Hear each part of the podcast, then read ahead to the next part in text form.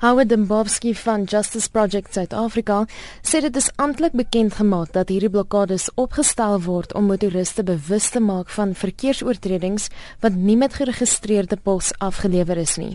Maar daar is 'n kinkel in die kabel. Unfortunately for the JMPD and they just don't seem to get this the Auto Act and in particular regulation 31B of the auto regulations does not make provision for the service of ARTA 03 infringement notices, those are camera speeding infringement notices, at roadblocks.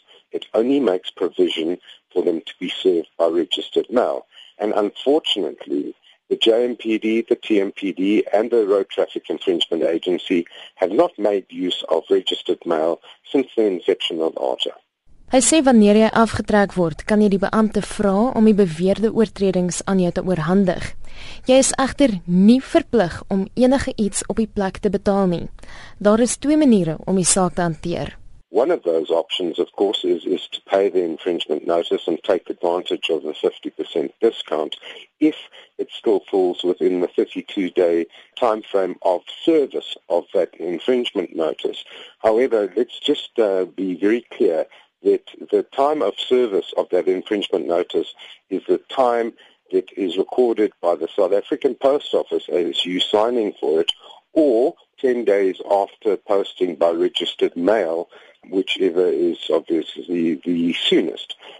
Dit is dus nie nodig om boetes te betaal 32 dae nadat jy afgetrek is nie, omdat dit nie per geregistreerde pos aan jou oorhandig is nie.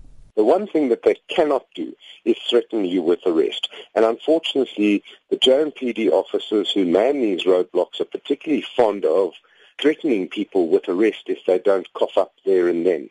That is definitely not allowed under the ARTA Act, and you do have your constitutional rights as well as your rights that are afforded to you under the ARTA Act uh, available to you.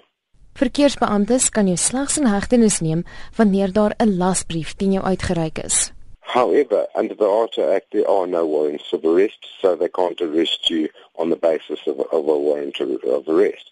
They can also arrest you if you're driving under the influence of alcohol or if, if you're committing a, another very serious road traffic offence which is defined in the ARTA regulations as being an offence for which you must be brought before a magistrate. So that they can do.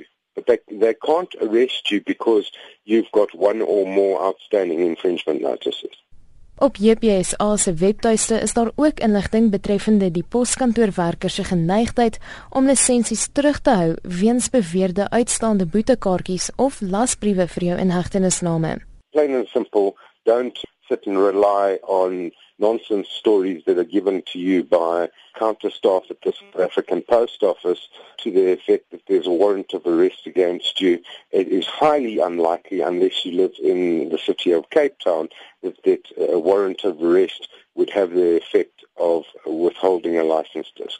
Dit was Howard Dembowski van Justice Project South Africa. Ek is Marlene Forsiefer, SABC nuus.